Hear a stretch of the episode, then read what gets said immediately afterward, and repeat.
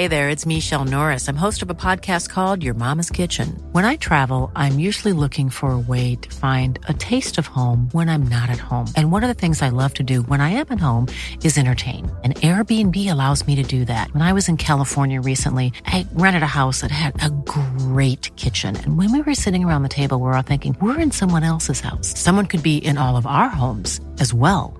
If you have a home, but you're not always at home, you have an Airbnb.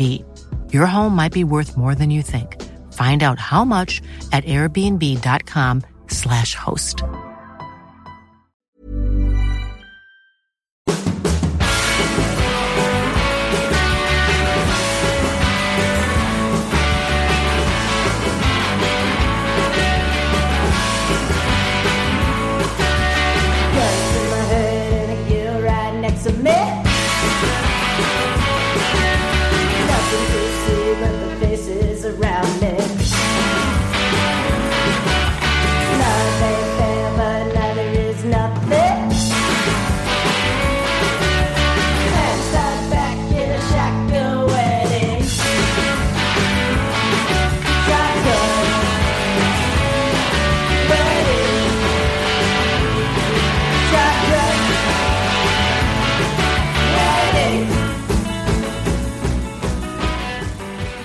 Välkomna till Indiepodden avsnitt 99. Den här veckan ska vi snacka ner racet på Laguna Seca i helgen här och eh, men vi ska också blicka fram mot säsongsavslutningen på Long Beach, California. Och med mig den här veckan har jag Anna Andersson och Jakob Fredriksson och vi har också kommentarer från eh, Rasmus och Linus och Felix och Marcus, alla som har kört i helgen. Så, så detta bjussar vi på här nu, ett avsnitt från nummer 100. Hur känns det? 100 avsnitt? Tiden går fort när man har roligt. Det känns som att förrgår som, som vi började med det här. Men eh, snart avrundar vi andra säsongen av Indiepodden. Så jag tycker det har varit jättekul. Men jag har ju bara varit med i en säsong, men jag tänker shit alltså, det är redan slut. Ja, Det är inte, det är inte riktigt så man tänker när man sitter där i, i eh, någonstans mitt i juli och det är liksom eh, triple header F1 och det är eh, Indycar och det är, man vet inte när man ska sova och när man ska äta och när man ska titta på OS, man vet ingenting liksom. Det har varit ett extremt händelserikt år i alla fall, en extremt händelserik sommar med fotbolls-EM och OS som liksom tar fokus från den här sporten som vi älskar mest av allt. det, det håller jag med om, att det har tagit fokus från, från det viktiga.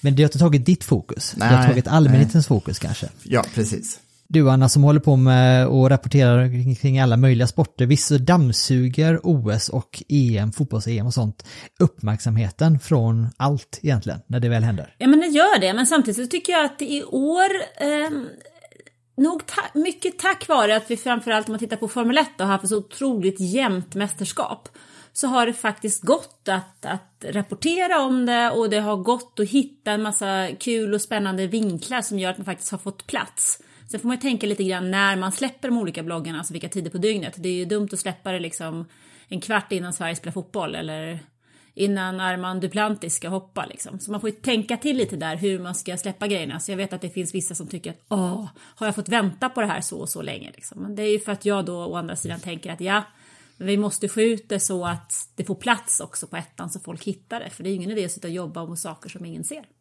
Mm.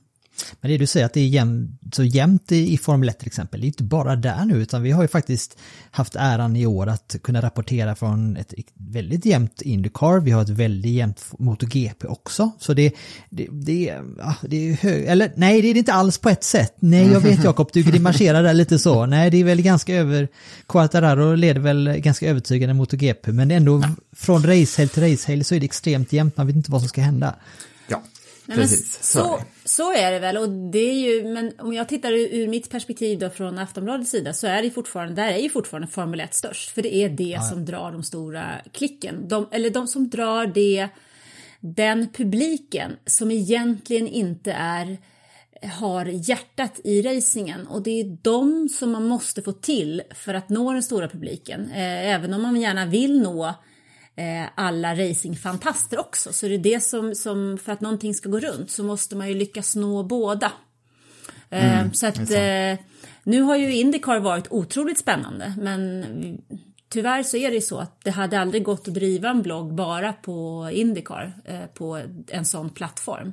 därför att den är inte tillräckligt bred. Men Formel 1 i det läget som det är nu är ju tillräckligt bred och då kan jag ju peta in Indycar i den. Så då får Indycar betydligt mer plats än vad det hade fått annars. Det är ju smart va? Supersmart. Det är, för, det, det är för det är ju Indycar du helst vill rapportera från, eller hur? Ja men absolut.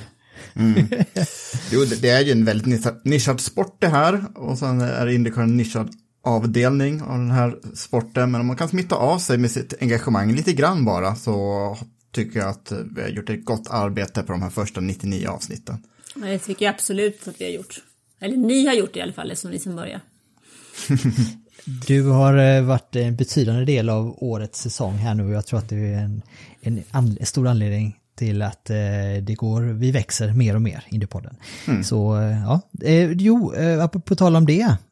Det är ju inte bara du som propagerar för Indycar i Formel 1-medier, Anna. Jag tänker Roman Grosjean har ju blivit en advokat för eh, Indycar också här nu, så vid, vitt och brett han pratar upp Indycar nu för tiden i sina, sina kanaler. Och annat vore väl och hade väl varit förvånande med tanke på hans framfart här nu på, på Laguna Seca i helgen. Ja, han var ju, herregud vad fort det gick. Ja, helt Ja. sanslöst. Det, det roligaste var nästan när han efteråt sa att han kände sig som Alex Zanardi. Det tyckte jag var lite kul.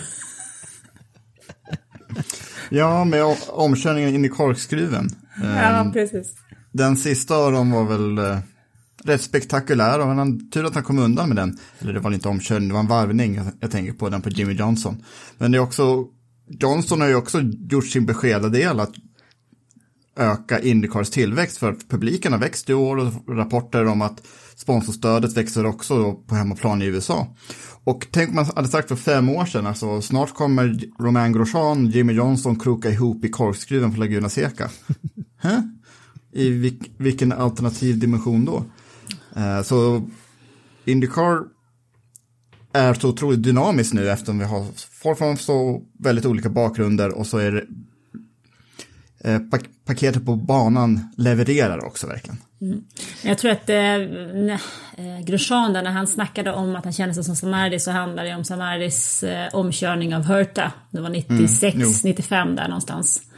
Så var ja, som den var. Men eh, det är ju otroligt kul att han har fått, alltså han har ju fått nästan som ett andra liv kan vi nästan säga. Alltså den här fruktansvärda olyckan han var med om för ett år sedan, han lämnade F1, han var ju rätt nere och så kommer han till Indycar och får sig ett sånt riktigt härligt uppsving. Um, det måste ju vara dels härligt för honom personligen, dels ger det ju Indycar någonting när det finns, kommer en F1-förare som uh, ger lite extra. För han ger ju trots allt eh, med sin person och med sin, sin eh, höll på att säga, schweiziska charm så ger han ju någonting extra till det här mästerskapet också när du som levererar och, och eh, gör lite show av det hela. Jag tror faktiskt att hans, anledningen till hans popularitet är just att han kraschade också i sista han gjorde i Formel 1. Det har gett han, gjort han lite mer intressant. Säkerligen. Så när han kommer in här i, USA liksom, så har han en backstory som är lite sympatisk så här och det blir lite slå underläge och så plötsligt så levererar han så som han har gjort här nu hittills i år. För jag tror ska man sammanfatta Romain Grosjeans rookie-säsong här nu när man lägger den till handlingarna och låter den få marineras i några år så tror jag att man kommer minnas topparna och inte dalarna. För vi har pratat om att han har varit lite ojämn i år. Men när minns man Dalarna egentligen, någon som har höga toppar? Det gör man ju inte, man sorterar ju bort allt sånt. Eller jag gör det i alla fall. R- runt Schumacher så är det nästan Dalarna som man, jag i alla fall, noterar mest. Med Hamilton kanske inte så mycket. Med Grosjean så, eh, eftersom Dalarna definierade hans karriär i Formel 1 så pass, så tror jag också att det är väldigt individuellt här. Men det här loppet kommer man ju komma ihåg betydligt bättre än förra loppet i Portland där han torped, torped, agerade torped in i första kurvan. Just det här loppet så körde han ju väldigt spektakulärt men ändå kontrollerat på ett annat sätt som inte alltid är van att se Grosjean på. Så ja, jag hoppas verkligen att eh, det håller i sig och blir, han blir lite jämnare nu, nu i alla fall. Efter Portland pratade vi om att det här var ett ganska statiskt lopp och det hände inte så mycket och det var snarare så att huruvida det var bra med eh, tankning till exempel och sådär och blir det, blir det för ovisst hit och dit och så kom man sen till Laguna Seca och så var det en gul flagg, det var två gulflaggsvarv tror jag va och det var omkörningar överallt på banan Väldigt många Indycar-skruven. Vad var det som gjorde det här riktigt så bra? Vad ligger bakom att det blev sån sweet spot helt plötsligt? En faktor är ju det att eh, det blev inget bränslesparande i det här loppet. Eller väldigt, väldigt lite i alla fall. Och det kommer inte att definiera strategierna som stallen höll på med. Eh, Grosjean kunde ju attackera så pass i slutet av loppet just för att han hade kört långt. Eh, stinten innan kunde göra ett ja, kortare depåstopp, kanske det inte det var, men han kunde i alla fall bränna på så mycket han bara orkade sista 20 varven. Och det betalar ju sig väldigt väl för han körde ju upp sig, han var väl lite drygt 25 sekunder bakom eh, när han kom ut i depån och sen när han var i mål så var det väl knappt 5 sekunder. Eh, just den dynamiken kom ju från att man inte behövde spara bränsle den här gången. Det var ingen lång gul flagg som kastade eh, de, de eh, strategierna som var tippade på för, förhand ut genom fönstret som det var i Portland, utan här var, hade man förlängt loppet med fem varv jämfört med eh, för två år sedan, bara så att det inte skulle vara möjligt att komma i mål på två stopp. Och eh, det är en enkel men rätt kul lösning. Jag tror gärna fem extra varv på de flesta Indycar-banor. Ja, men kan man få bort den här ekodrivingen så är det ju en fördel. För det är väl någonting som jag kan känna ibland att det är i och med att vi har de här bränslestoppen i Indycar i förhållande till Formel 1 då. Så kan jag tycka att den är lite seg, alltså när de ligger och sparar och sparar och sparar och sparar och sparar. För det är, för mig så är inte det racing. Men om vi tar direkt vilka topp 10 från helgens race här då så var det ju Colton Hurta vann ju här nu igen då. Det här är hans favoritbana. Alex Palou på andra plats förstärker ju sin mästerskapsledning gentemot tvåan uh, Pat Award. Uh, eh, vi har Roman Grosjean på tredje plats som körde till sig på ren fart sista stinten till en tredje plats. Graham Rahal på fjärde, Pat Award på femte. Tappar lite då gentemot Palou som vi sa. Eh, Marcus Eriksson hade ett tag där, eh, ganska länge, nos på tredjeplatsen men var till slut aldrig riktigt nära. Vi har eh, Joseph Newgarden på sjunde, Simon Pagenaud på åttonde, Oliver Askew nia och Eddie Jones tia. Vi hittar Felix Rosenqvist på en nittonde plats. Usch, ja, hans helg var ju bara att glömma. Det måste ju varit något av det jobbigaste alltså.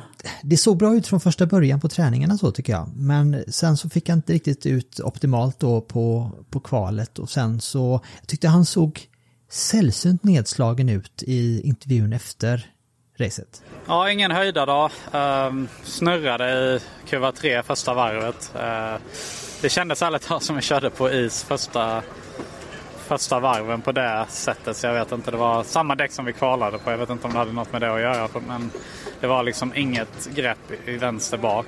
Uh, men det är väl ingen excuse egentligen. Jag, jag, jag gjorde inget, alltså jag, jag körde inget, inget bra race. Och gick väl lite hand i hand med att jag hade 0,0 confidence med bilen. Det kändes liksom inte som att det, det var ingenting som lirade lite. Det var rätt okej okay, sådär på första två, tre varven på varje stint och sen dalade det väldigt snabbt och de andra var mycket snabbare i slutet av stinterna. Uh, ja, det var, det var väl så racet gick genomgående hela tiden. Så nej, inte så mycket att ta med sig egentligen. Det är väl bara att försöka liksom fixa detta racet för nästa år. För det känns ändå som att vi har varit mycket bättre på många banor nu i slutet av säsongen. Men denna var, denna var ingen highlight. Hur kan man förklara att ni för bara en vecka sedan sätter helgens snabbaste varv och kommer till Firestone Fast 6 i Portland och att det idag ser helt annorlunda ut? Jag tror ändå vi hade kunnat vara med topp 6-7 någonting i kvalet om vi inte liksom fick slut på bensin och grejer. Så att, eh, det börjar ju alltid där i kvalet men eh, jag tror att pacen i sig var ju, den var ju inte bra. Jag tror vi, jobbade jobbar däcken alldeles för hårt helt enkelt. Och, eh, den, är, de är, den är inte bra över en stint och det är väl någonting som har varit ganska genom, genomgående för oss. Det känns nästan aldrig som att vi är bättre över stinten än, än de andra toppteamen. Så att, eh, ja, det, det, är väl det som är den, den, den stora läxan. Liksom. Hur kan vi få bilen bättre över en stint? Uh, eh, men samtidigt så ja, det, det kändes lite tillbaka till ruta ett, ärligt talat denna helgen eh, jämfört med början av säsongen. Så att uh, Hoppningsvis kan vi liksom pussla ihop de här racen som har varit så off för nästa år. För det vill ändå ta med mig det momentumet som har varit senaste, senaste racen nu. Får ju ändå en sista chans. Ett helt annat eh, lopp till, till karaktären. Eh, gatloppet i Long Beach om bara en vecka chans till revansch? Absolut, det, det är en helt annan typ av bana. Eh, stadsbanorna har väl gynnat oss rätt bra, framförallt Detroit och, och Nashville i och med att det inte är så mycket, så mycket dägg så, så känns det som att vi är rätt starka där, framförallt i race. Så att eh, ja, där, där blir det en bra chans att liksom sluta på topp. Så få till kvalet där och liksom köra, köra ett bra race hade varit riktigt skönt. Ja, så det är tydligt att McLaren-bilen fortfarande är väldigt svårkörd. Det är inte ofta det syns så tydligt eh, i motorsport överlag att en bil är fantastiskt svår, svårkörd. Men den här gången gjorde det för särskilt Felix, lite grann för Pato, men han hade i alla fall track position på sin sida. Alltså det känns ju som att det är väldigt tydligt att de två har brutalt mycket jobb att göra den här vintern alltså. Nu när säsongen startar så tidigt nästa år också som den gör redan i februari så behöver de ju verkligen se till att de hittar en, får ordning på bilen så att det är en bil som båda förarna klarar av att köra. Och att den blir betydligt jämnare. Tanken var väl tidigare, alltså i vintras, att de skulle ha en tredje bil lite oftare. Juan Pablo Montoya var ju med och testade med dem just på Laguna Seca i vintras. Men Montoya körde ju bara ett enda road course i år för, i, i McLarens tredje bil och då gick det inte något vidare alls och det var det väldigt svaga loppet alla tre hade då på Indianapolis Grand Prix innan Indy 500.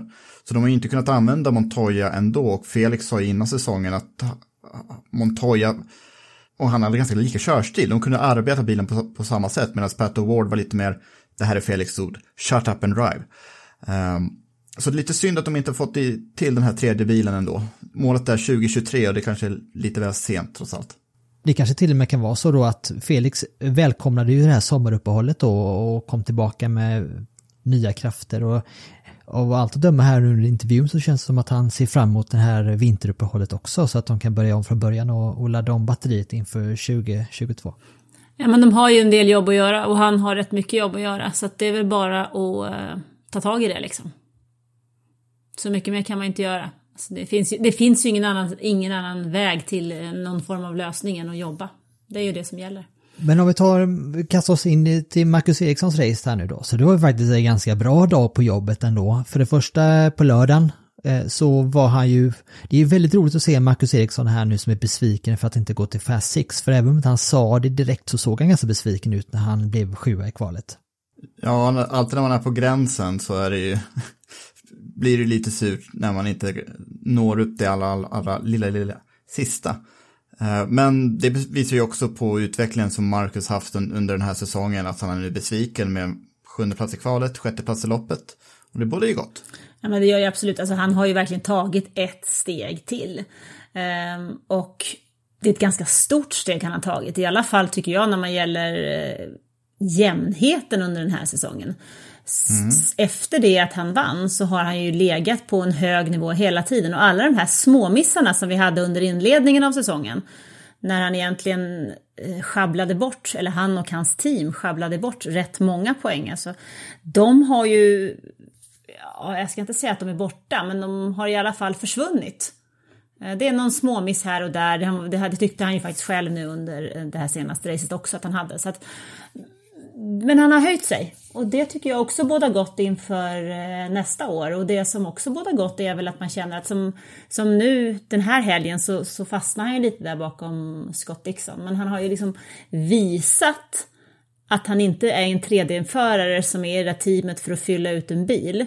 Han har ju i alla fall goda möjligheter att när han har det så startar han från en betydligt högre nivå med betydligt mycket mer respekt än vad han gjorde i februari förra året. Och det tycker jag är positivt. Så här sa i alla fall Marcus Eriksson efter Laguna Seca. Yes, så racehelgen här i Laguna Seca tycker jag var en bra helg för, för vår del.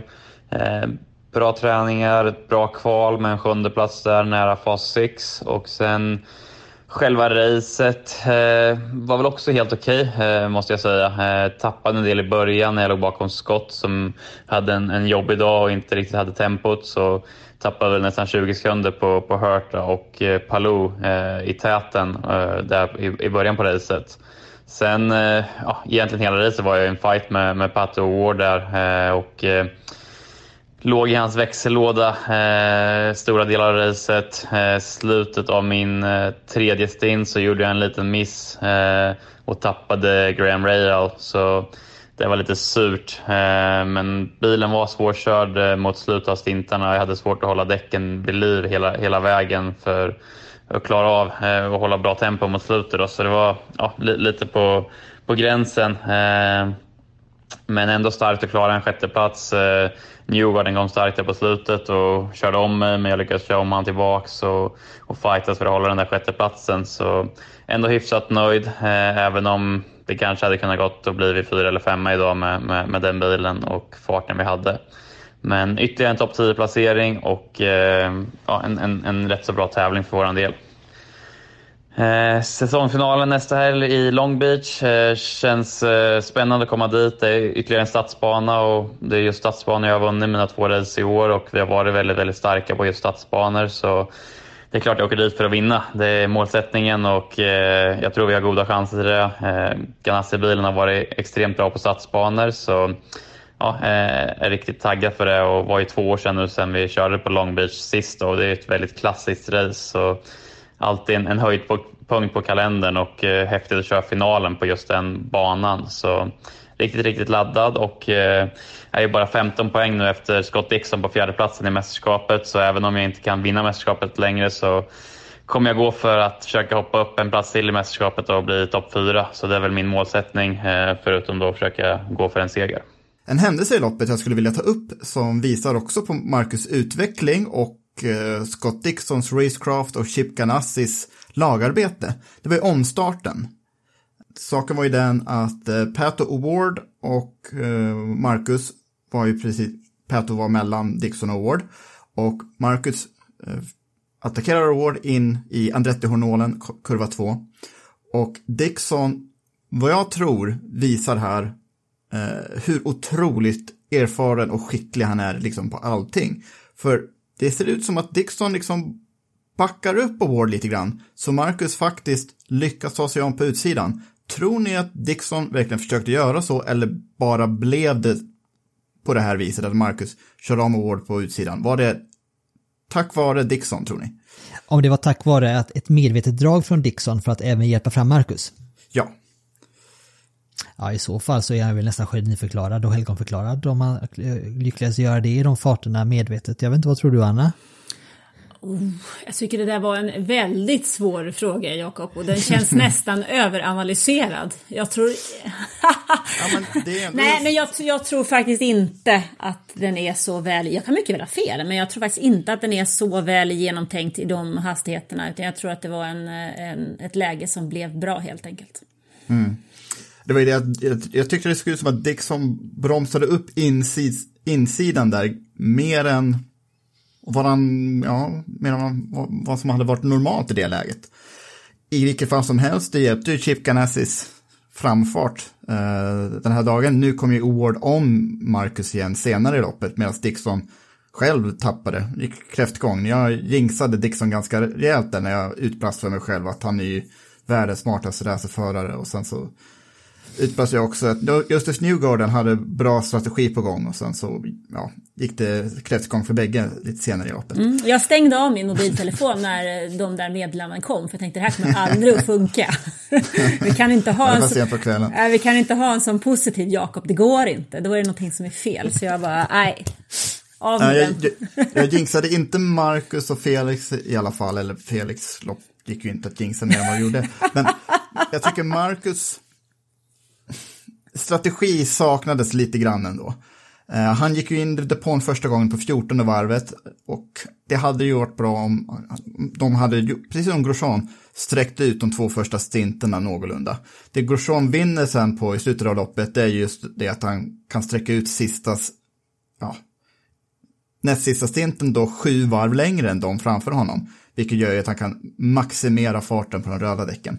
Verkar inte som att Marcus riktigt hade koll på de röda däcken på samma sätt, men ja, eh, var, var lite missnöjd med en sjätte plats. Det är ju en bra dag trots allt. Ja, alltså han, han verkade ju ändå ganska nöjd med sjätteplatsen trots allt då, sett det stora hela, men som han sa i intervjun där så hade han ju problem med att få däcken att hålla hela, hela stinten ut, så han kunde inte göra så mycket mer. Så är man till exempel, Joseph Newgarden var ju lite samma position som Romain Grosjean var på de sista stinterna där.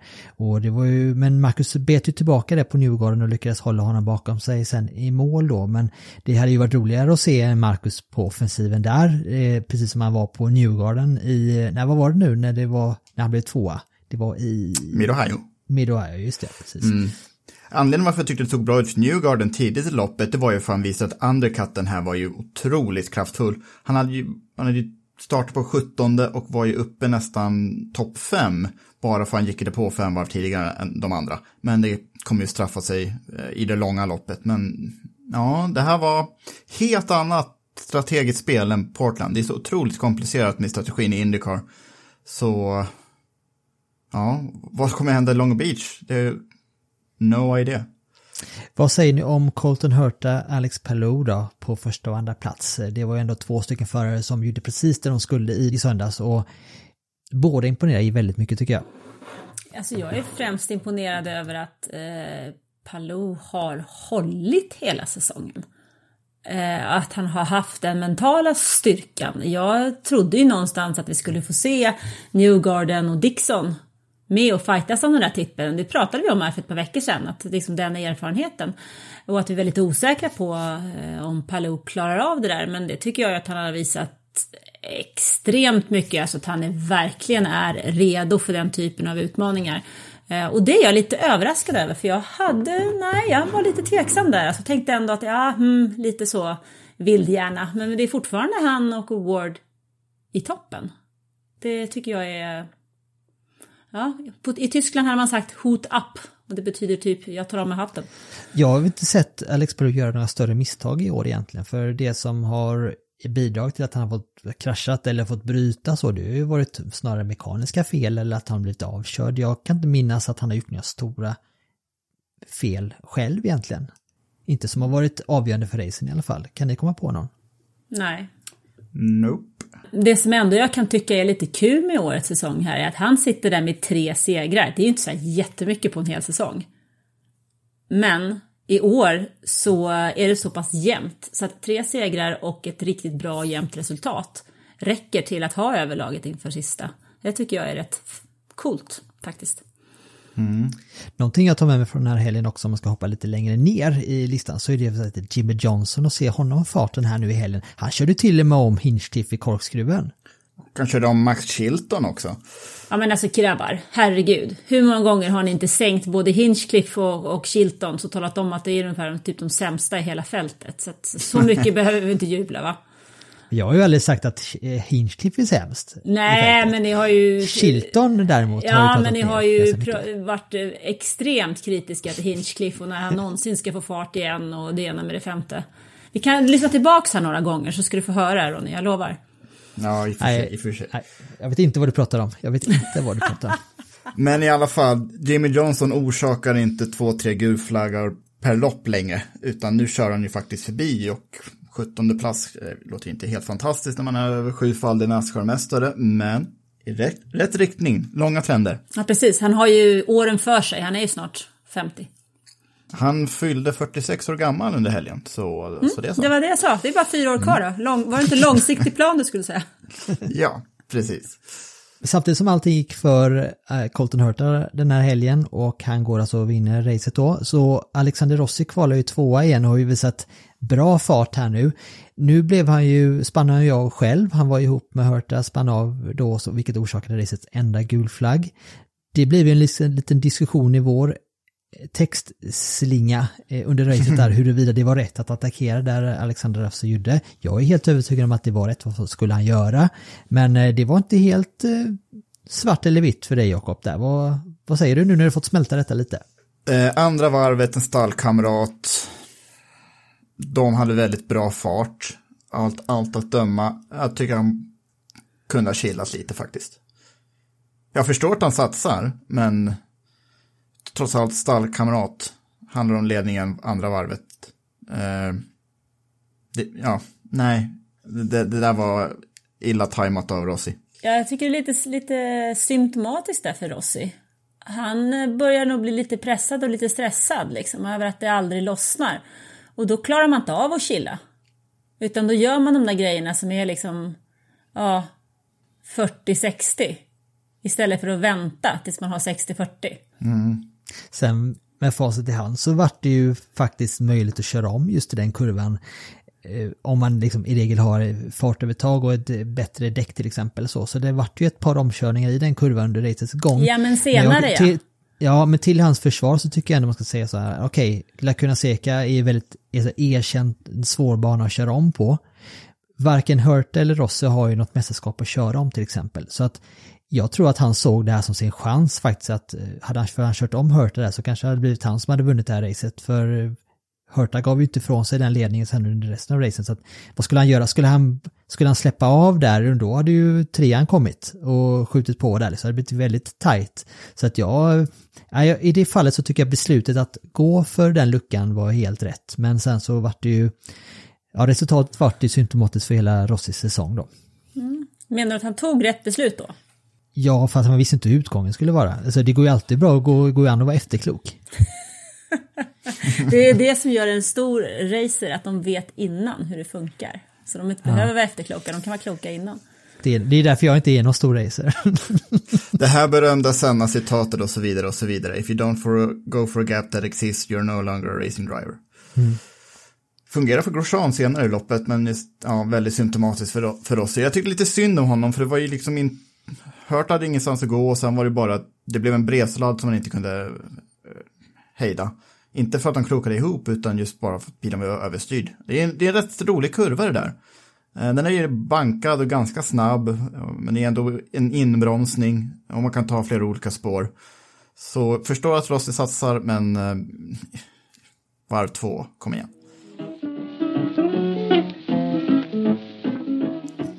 Alltså den där, jag kan tycka den där Romain Grosjeans omkörning av Jimmy Johnson eller överkörning av Jimmy Johnson in i korkskruven där, han hade gjort åtskilliga omkörningar där innan så, men det är lite som när man spelar det här Need for Speed på Playstation, så här när man liksom, man plöjer in i någon bara.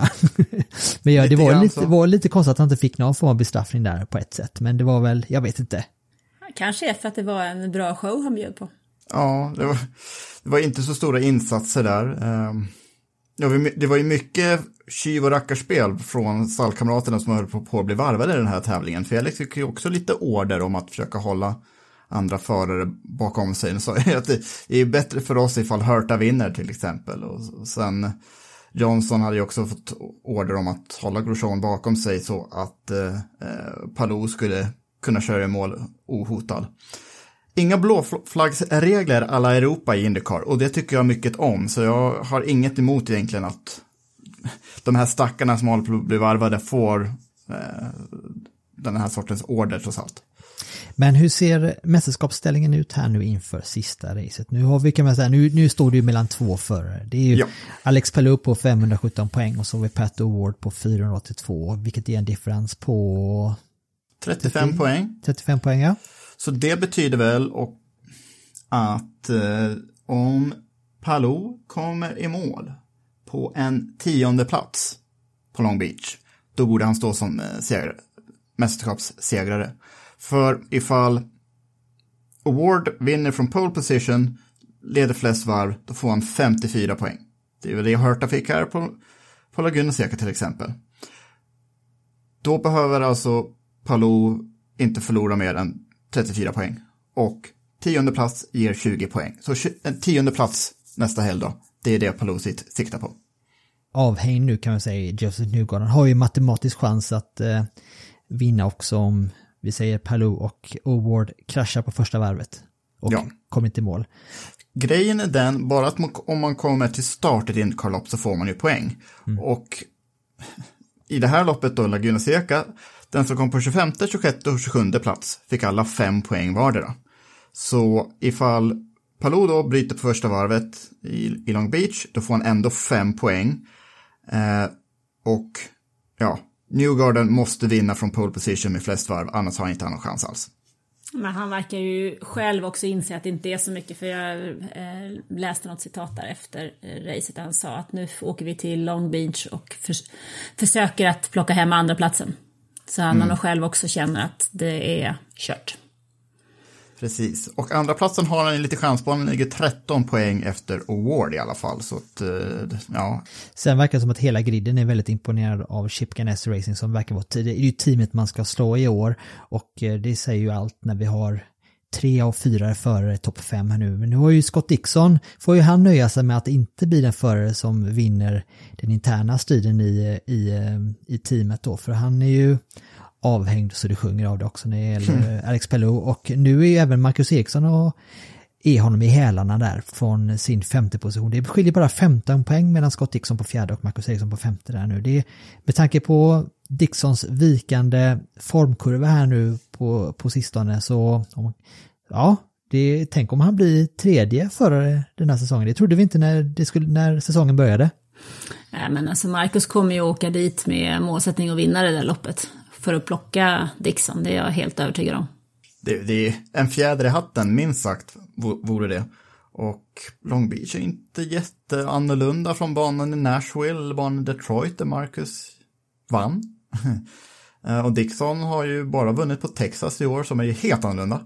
Eh, så Dixon, ja, jag jinxade ju honom. Och sen så blev han ju indragen i incidenten med Takuma Sato i korkskruven. Så han får vänta ett år till åtminstone på att tangera AJ Foyts rekord på sju Indycar-titlar. I'm Sandra, and I'm just the professional your small business was looking for. But you didn't hire me because you didn't use LinkedIn jobs. LinkedIn has professionals you can't find anywhere else, including those who aren't actively looking for a new job but might be open to the perfect role, like me. In a given month, over 70% of LinkedIn users don't visit other leading job sites. So if you're not looking on LinkedIn, you'll miss out on great candidates like Sandra. Start hiring professionals like a professional. Post your free job on linkedin.com/people today. Ready to pop the question? The jewelers at BlueNile.com have got sparkle down to a science with beautiful lab grown diamonds worthy of your most brilliant moments. Their lab grown diamonds are independently graded and guaranteed identical to natural diamonds, and they're ready to ship to your door. Go to BlueNile.com and use promo code LISTEN to get $50 off your purchase of $500 or more. That's code LISTEN at BlueNile.com for $50 off. BlueNile.com code LISTEN. Vi hade också Indy Lights på Laguna Seca med Linus Lundqvist och Rasmus Lind i farten. Eh, där hade vi ju, eh, vi hade ju svensk på pallen där. Absolut, Lundqvist. Och det som är absolut roligast eh, här är ju det faktum att han har säkrat sitt Indycars-test. Det tycker jag ju är skitkul. 29 oktober, missa inte det alltså. Vad vet vi om det testet? Inget mer än att det ska köras den 29 oktober. Vi vet faktiskt inte vilket team det är än eh, som han kommer testa för. Men vi vet att han har säkrat det tack vare en eh, bra placering i mästerskapet. Vet vi vilken bana? Ja, men vi kan väl eh, låta Linus själv berätta om detaljerna där kring och även hans eh, kommentar från Laguna Seca. Linus Lundqvist, eh, näst sista Indy Lights-deltävlingen avslutad på Laguna Seca och ytterligare en pallplats för dig, P3 i sista racet idag. Ja, ytterligare en pallplats. Ehm, hade ju som sagt velat eh, att vi kunde avsluta med min vinst här på Laguna Seca, men vi visste också från igår att vi, vi saknade lite fart, kanske speciellt mot, eh, mot Kyle och Andretti, så vi, vi gjorde ganska stora setupförändringar med, med hopp om att vi kunde hitta lite fart och försöka närma sig om honom, men eh, jag tror att vi gick lite för långt så ja, det gick bra de första två, tre varven och sen efter det var det bara att hålla i och försöka hålla undan från Frost som var bakom, för jag visste att eh, farten kommer inte finnas där för att kunna utmana varken David eller honom. Men jag är ändå glad att vi försökte något. Det är det man måste göra ibland om man inte riktigt har den här speeden. Så eh, ändå kul att komma iväg med en pallplats härifrån. Till och med två pallplatser härifrån, ytterligare en dubbelpall för dig, men kanske den största faktorn i hela det här resultatet för helgen är att du nu har säkrat tredje plats i Indy Lights 2021 och därmed det Indycar-test som eh, har stått till förfogande för topp tre i mästerskapet. Vi vet att det kommer att ske den 29 oktober på Indianapolis Motor Speedway, på Roadcourse-varianten där. Berätta om känslorna inför eh, ditt första Indycar-test. Ja, men det, det känns jättebra. Eh, och som sagt, vanligtvis så kanske i alla fall för mig så spelar det mindre roll om man blir tvåa, tre eller fyra i mästerskap. Men eh, här i Indy Lights så gör det ju faktiskt skillnad. Som sagt, topp tre får ju ett test i Indycar så det ska bli riktigt, riktigt häftigt att, att få göra ett ordentligt test på, um, ja, på IMS och roadcoursen där som jag känner till ganska väl. Hade ju både en pole och en vinst där senast så det, det ska bli kul att få hoppa i ett, ett riktigt monster till bil och, och få se vad man kan göra där. Men samtidigt så har vi en helg kvar i Indy Lights på Mid-Ohio som, eh, ja, det gäller ju att avsluta på topp. Eh, vad tror du att det här Indycar-testet eh, kan betyda för dig sett till var du står idag och framtida karriärplaner? Ja, time will tell tänkte jag säga. Vi får väl se. Ehm, men jag tror inte att det kommer skada om vi lyckas göra ett bra test och är snabba. Så mycket kan jag väl säga. Sen hoppas jag väl att det kan väl utkristallisera sig lite redan innan det. Men testet kommer nog ha ganska stor påverkan också. Blickar framåt mot Midohio Mid-Ohio och finalhelgen eh, om två veckor för er. Eh, hur hoppas du, förutom det uppenbara, att få två bra resultat i Mid-Ohio, att kunna avsluta den här säsongen?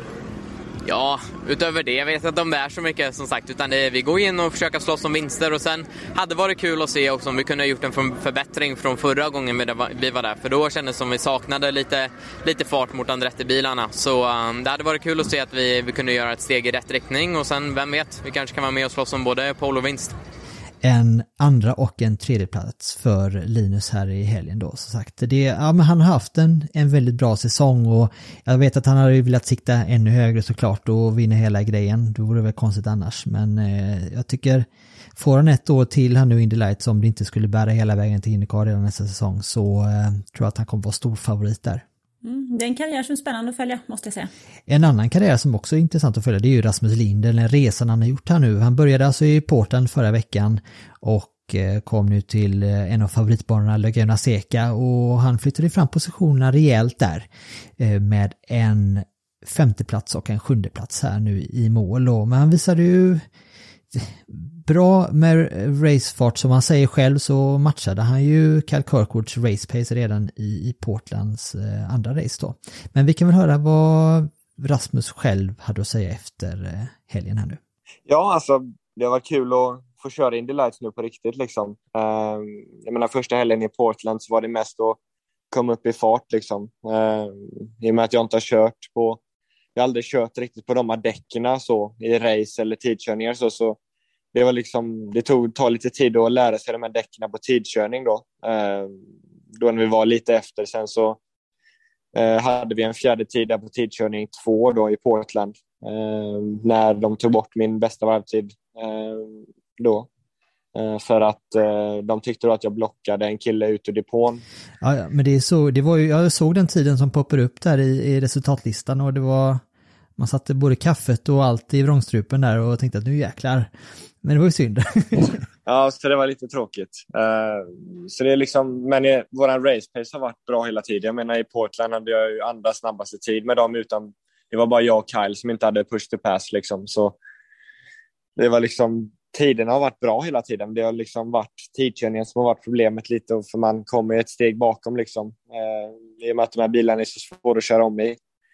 Eh, så sista racet där i Portland så var ju racepacen bra liksom. Vi körde samma tider som Kyle liksom. Jag menar han har ju en säsong på med den här bilen liksom och däck och allt Mm. sånt där liksom.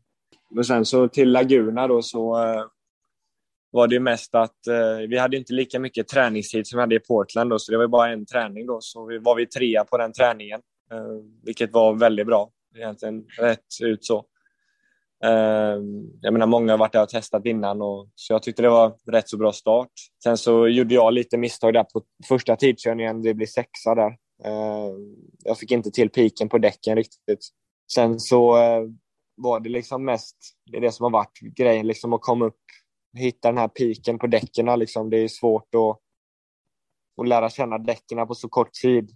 Men eh, racepacen har varit bra hela tiden. Jag menar i race 2 i race 1 så körde jag ikapp eh, lite runt två sekunder på Malukas liksom. Så, eh, när han blev fyra där. Så jag, var, jag kom precis inom range till push to pass då, så kom gulflaggen då, så det screwade oss lite sådär. Så vi hade kunnat ta Malukas tror jag där i race 1. Så jag menar, farten finns där för topp tre i racerna. Det är bara att vi behöver få ihop tidkörningarna bättre. Har det varit svårare än vad du hade tänkt, kunnat tänka dig att hitta rätt med däcken just i, kval, i kvalformatet? Ja, alltså, jag menar, jag har ju kört på Michelin hela året liksom och de är helt annorlunda mot eh, Coopers då. Eh, så det, jag menar, det är som alla typer av däck. Det tar ett tag att lära känna ett däck. Det är just därför man oftast testar då innan en säsong för att lära känna däcket riktigt sådär. Så det har varit lite, jag har varit liksom på bakfoten lite grann sådär innan varje tidkörning liksom. Men vi vet ju att farten har varit där. Det är bara att sätta ihop det liksom. Du tog upp det några placeringar, du fick inte riktigt till kvalet inför andra racet då, du startade på nionde plats där. Du tog det upp två placeringar och det var, du hade ju, det var ju bud på mer där egentligen. Det var bara att varven tog slut för dig. Du körde väl i fatt, var det McGinnis du körde i fatt på slutet? Jag körde, det var ju samma där. Jag, jag menar, vi körde ikapp nästan två sekunder på, Malu, på både Malukas där i race 1 och McGinnis i race 2. Liksom, så. Vad tror du är det i din körning som gjort att det har gått så fort ändå att hitta farten? För du, du fick också väldigt mycket beröm bland, av, av kommentatorerna på Indy Lights under racet där, just att du har hittat snabbt, hittat rätt så fort. Nej, racerna har gått mycket bättre. Eh, jag menar, jag, jag, jag, kan liksom inte svara riktigt på varför bättre i racerna, men jag menar, då är det inte nya däck. Det är liksom mycket mer grejer som ska spela in, liksom hur du kör i trafik och eh, hur du, sätter, hur du ändrar setupen till racet, liksom med aerowash och allt sånt här. Liksom. Så jag menar, det är mycket andra grejer som ska klaffa ihop på ett race än bara ett snabbt tidkörningsvarv. Liksom. Så det, det tycker jag har varit bra. Eh, Racefarten har varit bra faktiskt. Nu har du ju kört extremt mycket under senaste året i och med att du har kört IMSA då. Är det någonting där du har kunnat ta med dig in i detta nu? För senaste gången du körde Indy Lights, du var ju med på tester och så var du med på träningen då, liksom det är St. Pete förra året innan de ställde in säsongen.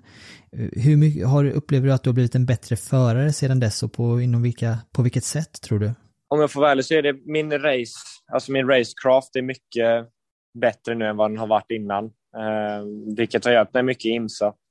Eh, jag menar, det är jättelånga race. Liksom. Jag menar, vi kör ju över två timmars stinter varje gång. Eh, så jag menar, det har varit liksom, det är mata varv liksom, och konstant och inte göra misstag. Liksom. Eh, vilket jag tycker IMSA har hjälpt mig med rätt så mycket.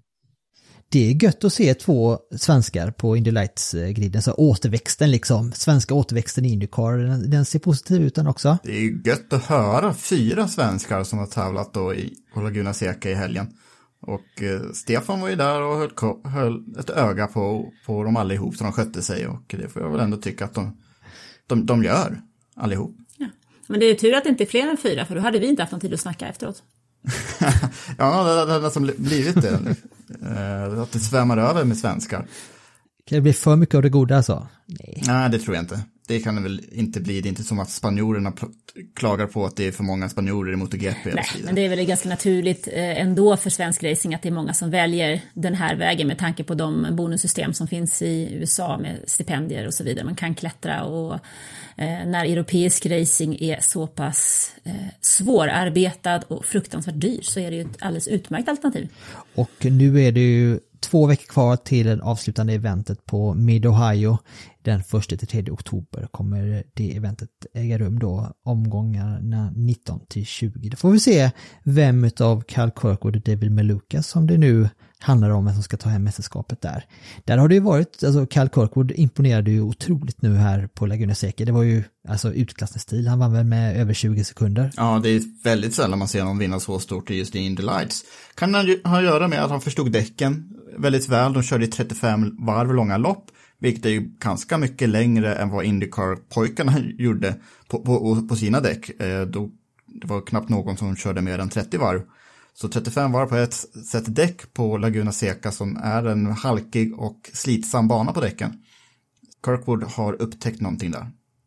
Men frågan är, det verkar inte säkert att han får en styrning i Indycar, alltså en, en av de mest framstående styrningarna. Jag tänkte att det borde vara gjutet med en plats i Andretti där, men det har ju ändå varit, Devlin De Francesco har ju varit en av de eh, förhandsfavoriterna till att ta en av heltidsplatserna där till nästa säsong, men jag vet inte, tar man en sån som Cal Kirkwood med den talangen som han visar, har fostrats i Andretti hela vägen upp eh, genom Road to Indy så måste det ändå vara Ja, han borde vara given där också, men jag tyckte Michael Andretti när han intervjuades här under, under helgen att han verkade inte så här superövertygad. Han sa att nej, men vi, vi behåller dem inom familjen och, och sådär. Det var, mm. det var, han var ganska avvaktande i sina kommentarer ändå. Men Andretti-bilen Indycar som det är frågan om då, det är ju Hinchcliffs bil och vill man verkligen fördöma Kirkwoods karriär bara sådär, för den här bilen har ju inte fungerat på många år. Så det, det kanske är smart att ta den som har mest pengar på, på fickan att, i, i den bilen oavsett eh, resultat och backa upp det med. Det är det som är lite häftigt. Oavsett om vi pratar europeisk racing eller om vi pratar amerikansk racing så är, är det så lätt att titta på det och tänka att det här är liksom ett lager, att allting är klart och tydligt. Men när man väl börjar skrapa på ytan så inser man ju någonstans att det handlar om så otroligt många lager. Och precis som du säger Jakob, det handlar ju om att vara smart här och tänka rätt när man har fostrat någon förare. Så det gäller ju att inte bara lägga ihop ett och ett blir ju sällan två. Det kan ju bli både tre och fyra för det kommer in saker från både vänster och höger när man börjar titta och gräva lite djupare. Och det tycker jag är faktiskt är otroligt häftigt. Men nu väntar ju säsongsavslutningen på Long Beach, gator, det är klassisk mark. Ja, det känns nästan naturligt att vi ska avsluta på säsongen på Long Beach. Trots att det är ett lopp som vanligtvis brukar ske i april. Och det har gjorts sedan 1975. Då det första Long Beach Grand Prix arrangerades. Då var det för Formel 5000 bilar. Och sen så körde man ju som bekant Formel 1 på de här gatorna från 1976 till och med 1983. Du är inte så gammal att du kommer ihåg Formel 1-loppen, men det är ju klassiska bilder man brukar se där, därifrån. Jag är ju, vurmar ju för gammal, gammal racing, Formel 1-racing, gamla bilar och så där. Jag tycker när man googlar på eh, Long Beach på 70-talet, alltså det finns otroligt mycket vackra Mm. bilder därifrån. Eh, och kuperat och ja, det är mycket att njuta av där. Hur, men den här, den här layouten har ju sett lite olika ut va, just Indycar-layouten, kanske även F1-layouten genom åren. Fram till år 2000 så by- bytte banan layout väldigt många gånger, jag tappar räkningen till och med. Så den banan vi kör på idag, det är knappt någon kurva som är detsamma som, ja, där Gilles Villeneuve vann och där Clay Regazzoni vann och så vidare. Men det är samma gator, men det är, den har möblerats, möblerats om ganska mycket, men senaste gången var då år 2000. Eh, första Indycar-loppet här, det var 1984 och då vann Mario Andretti och Mario Andretti vann ju även Formel 1 på, den här, på de här gatorna 1977, ända att klara av dubben. Och det här loppet har alltid varit på schemat sedan dess, förutom då pandemiåret 2020 förstås. Eh, nuvarande bansträckning är 1,97 mile lång, alltså 3167 meter, 11 kurvor, allt som allt. Vi Kommer köra 85 varv, som blir 269 kilometer. Varvrekordet på just den här layouten är Joseph Newgardens från 2018, 1.07,551. Den snabbaste banan någonsin är ju den layouten körde på 90-talet, så Gilles de France polevarv från 1997 är faktiskt det allra snabbaste man har kört där. Då körde man på 111 miles per hour, vilket i runda slängor blir väl eh, 175-180 km i timmen i snitt ungefär. Eh, men eh, den här banan är nästan lika snabb som den var då på 90-talet. I alla fall det snabbaste loppet här, det var det som eh, Simon Pagenaud vann 20, 2016. Han snittade på ungefär 160 km eh, när han segrade den gången. Det är ganska kul tycker jag när man tittar på de tidigare vinnarna bland de aktiva. Så det är väldigt många förare här nu som kör i år som har vunnit här tidigare. Vi har, vi har Helio Castronemes, vi har eh, Will Power har vunnit två gånger, Sebastian Bourdais har vunnit tre gånger, men han vann ju allt där ett tag. Det var väl under Mm. kart, kartperioden eller? Ja, de sista åren, eh, kart, champ car-åren när Bourdais vann eh, tre, tre år i rad. Sen Ryan Hunter-Ray, eh, Takuma Sato, Scott Dixon såklart, Bageno nämnde du. Till och med James Hinchcliffe har vunnit här och så Alexander Rossi har vunnit de två senaste gångerna va? Ja, eh, Ja. från pole bägge gångerna, så han är ju jättehet på den här banan. Är det svårt, det är ganska svårt att köra om här va? För det, vad, vad kännetecknar banan, den nuvarande banlayouten skulle jag säga? Eh, många gulflagg, eh, svårt att köra om, lite statiska lopp. Eh, man har skiftat hur många varv man kör på, bara så att det inte blir för mycket bränslesparande. Det är mycket kortare lopp än de flesta liksom, road courses som Laguna Seca som var 330 kilometer någonting tror jag att det var. Eh, men det är ju såklart för att det är lägre snitthastigheter på, på eh, stadsbanor. Men två depåstopp borde de kunna klara av ändå på den här banan. Senaste gången loppet klarade sig utan gulflagg var 2016, innan dess var det på 80-talet. Så det blir ganska många gulflagg, 3-4 medianvärdet ungefär, men 2019 var det bara en precis i början av loppet. Eh, flest gulflaggor, sju stycken 1998 och eh, om man ska nämna ett klassiskt lopp så är 98 nog, det mest klassiska. Där eh, mycket karambolage och Alex Zanardi var inblandad i ett sådant karambolage och var vid en punkt ett varv efter. Men han körde upp sig och sen körde han förbi Brian Hurta med två varv kvar. Och eh, Dario Franchitti kom två den gången och det var ju väldigt typiskt för Brian Hurta var ju verkligen Zanardis slagpåse där under no några år. Sämsta startplatser någon vunnit ifrån? Många har ju startat högst, högt upp i fälten. Rossi som sagt vann de två senaste gångerna här från pole position. 10 av 36 gånger har loppet vunnits från pole. Men apropå Paul Tracy så är han den som har vunnit från sämst startplats i Indycar. Från 17 år 2000 och Mike Conway vann också från 17 plats år 2014. Eh, så det går, men då måste man göra gulflaggorna på sin sida. Men startkrascher är ganska vanliga här. Precis som i Portland. Tyvärr ganska exakt lika vanliga ändå. Senaste tre gångerna så har säkerhetsbilen gått ut på första varvet. Förra gången var det Marcus indragen, kanske till och med var med och orsakade den lite grann. Det var väl hans andra eller tredje Indy- Indycar-lopp. Det var i det där fontänområdet precis i början av varvet. Eh, men det är ganska vanligt med startkrascher på den här banan. Särskilt på just den här layouten, för det är så himla smalt när man går in eh, ja, det, det är liksom Shoreline Drive som eh, ja, start och målrakan, eller kurvan är det egentligen, kallas. Den är ganska bred och sen smalar banan av rätt rejält när man kommer in i det här fontänområdet. Så där händer det ofta lite ihopkrokningar i början av loppen. Men då siktar vi på att snacka ner Long Beach i avsnitt 100 av Indiepodden i nästa vecka då. Men vad, tror du det kommer bli någon after work i paddocken där efter Long Beach? Det borde det bli. Det borde det verkligen bli. Inte bara för Indiepodden utan för hela Indycar-cirkusen när de har kämpat sig igenom ett ytterligare ett pandemiår. Eh, så en eloge till allihopa att man äntligen får till den här klassikern Long Beach. Hur ser helgupplägget här nu? Det är väl, ja nej, men det, det är två träningar. Det är en ganska klassiskt upplägg nu just i, på Long Beach. Träning ett på fredag och så träning två och kval på lördagen då, så race på, på söndagen där. Det är skönt med konsekventa tider, för nu de här tre sista loppen så har alla lopp startat 21.30 svensk tid, så det är enkelt att komma ihåg då. Det är bra för oss som börjar bli lite äldre och tappa, eh, få Mm. lite sämre och så. Eller det tänker jag bara för, är det bara för jag kanske? Det kanske bara det kanske. Förresten, du var inne på det förut. Du sa ju att Long Beach brukar ju köras i april va? Ja, Nu har de ju släppt 2022 års schema. mm, äntligen. Och då är ju Long Beach tillbaka på, i april månad. Den 10 april kör de på Long Beach då. Men vad tycker du om det nya schemat, Jakob? Eh, Mycket bra att man börjar tidigare, så St. Pete redan i februari. Men jag tycker fortfarande att säsongen avslutas lite för tidigt. Eh, Var det 10 september går finalen på Laguna Seca. Ja, ett, eh, 11 september till och med, verkar det som här. Ja, den helgen. Ja, den helgen, ja precis. Ja, det är lite väl tidigt. Men om vi skulle dyka ner i själva kalendern så har vi ju lite några nytillskott här, eller några, några efterlängtade återvändare. Vi har ju eh, Toronto hoppas vi kunna vara tillbaka då den 17 juni, det är planerat till. Toronto har utgått två år i rad här nu på grund av pandemin och sen så har vi Iowa Speedway, eh, dubbelrace där, eh, den 23 och 24 juli. Så att då får vi åtminstone två fler ovalrace i år, nästa år. Det är en uppryckning från årets kalender som för, för ett år sedan när det släpptes så var jag ganska kritisk mot det bara för att vi förlorade ett antal lopp som jag tyckte om och en del lopp som ja, har uteblivit men det har ju med pandemin mycket att göra. Så det här är lite bättre. Jag skulle fortfarande vilja ha ett par fler ovaltävlingar.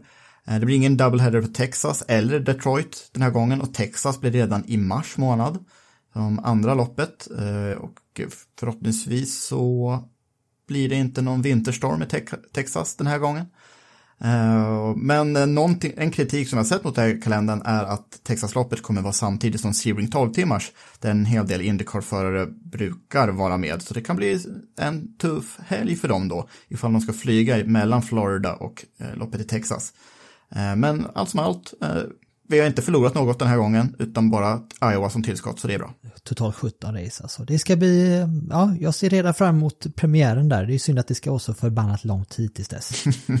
Ja, precis, men så säger vi ju varje år. Med det så tar vi väl rundar av veckans Indiepodden. Tack till våra samarbetspartners Auto, Motorsport och tickoracingshop.com och glöm inte att ni alltid har 20% rabatt i webbshoppen på stefanjohansson.art när ni anger rabattkoden Indiepodden. Tack Jakob, tack Anna för den här veckan så hörs vi om en vecka igen. Tack Ronny, tack Anna. Tack och hej, vi hörs nästa vecka.